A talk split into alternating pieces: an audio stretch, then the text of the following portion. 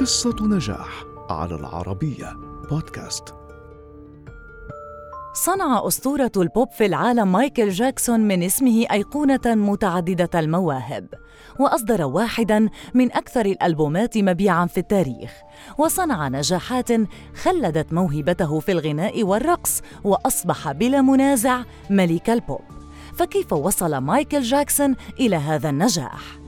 بدأت مسيرة مايكل جاكسون المولود عام 1958 في ولاية إنديانا مع الموسيقى وهو بعمر ستة أعوام. بعد أن شكل أبوه فرقة موسيقية باسم The Jackson Five عام 1964 تضم خمسة من أبنائه. وكان مايكل أصغر أشقائه الخمسة وأكثرهم موهبة وذكاء وسرعان ما أصبح نجم المجموعة وأثار إعجاب الجماهير بقدرته على نقل المشاعر والأحاسيس بغنائه ورقصه الفريد.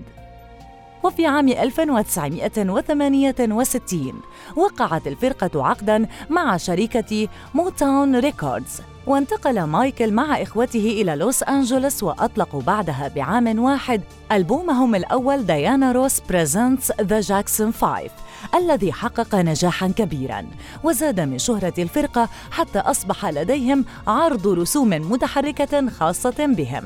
واستمر عرضه عامي 1971 و 1972 وبمساعدة من المنتج الموسيقي كوينسي جونز.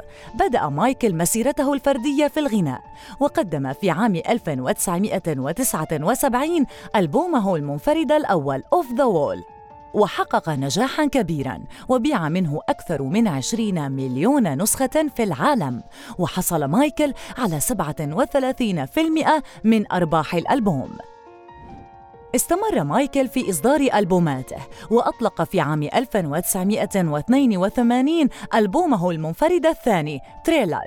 وظل أكثر الألبومات مبيعاً ل 37 أسبوعاً على التوالي وبيع منه أكثر من 40 مليون نسخة. وحقق أرباحاً عالمية تزيد على 110 ملايين دولار.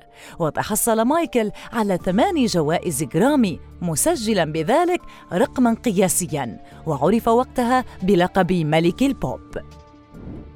بعد النجاح منقطع النظير لألبوم Thriller قدم مايكل عرضا مباشرا عام 1983 وقام بأداء رقصة مميزة لا تنسى سميت مون ووك ما جعل أداءه رمزا عالميا ليس فقط في الموسيقى وإنما في الرقص أيضا.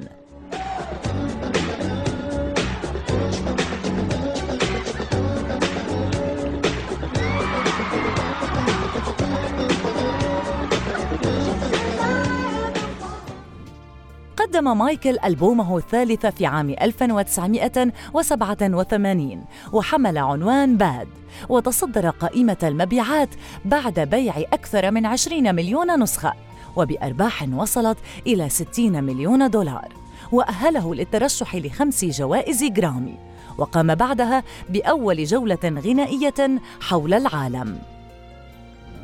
وقع جاكسون في عام 1991 صفقة قياسية غير مسبوقة بقيمة 65 مليون دولار مع شركة سوني وأطلق بعدها ألبوم Dangerous الذي بيع منه سبعة ملايين نسخة في أمريكا.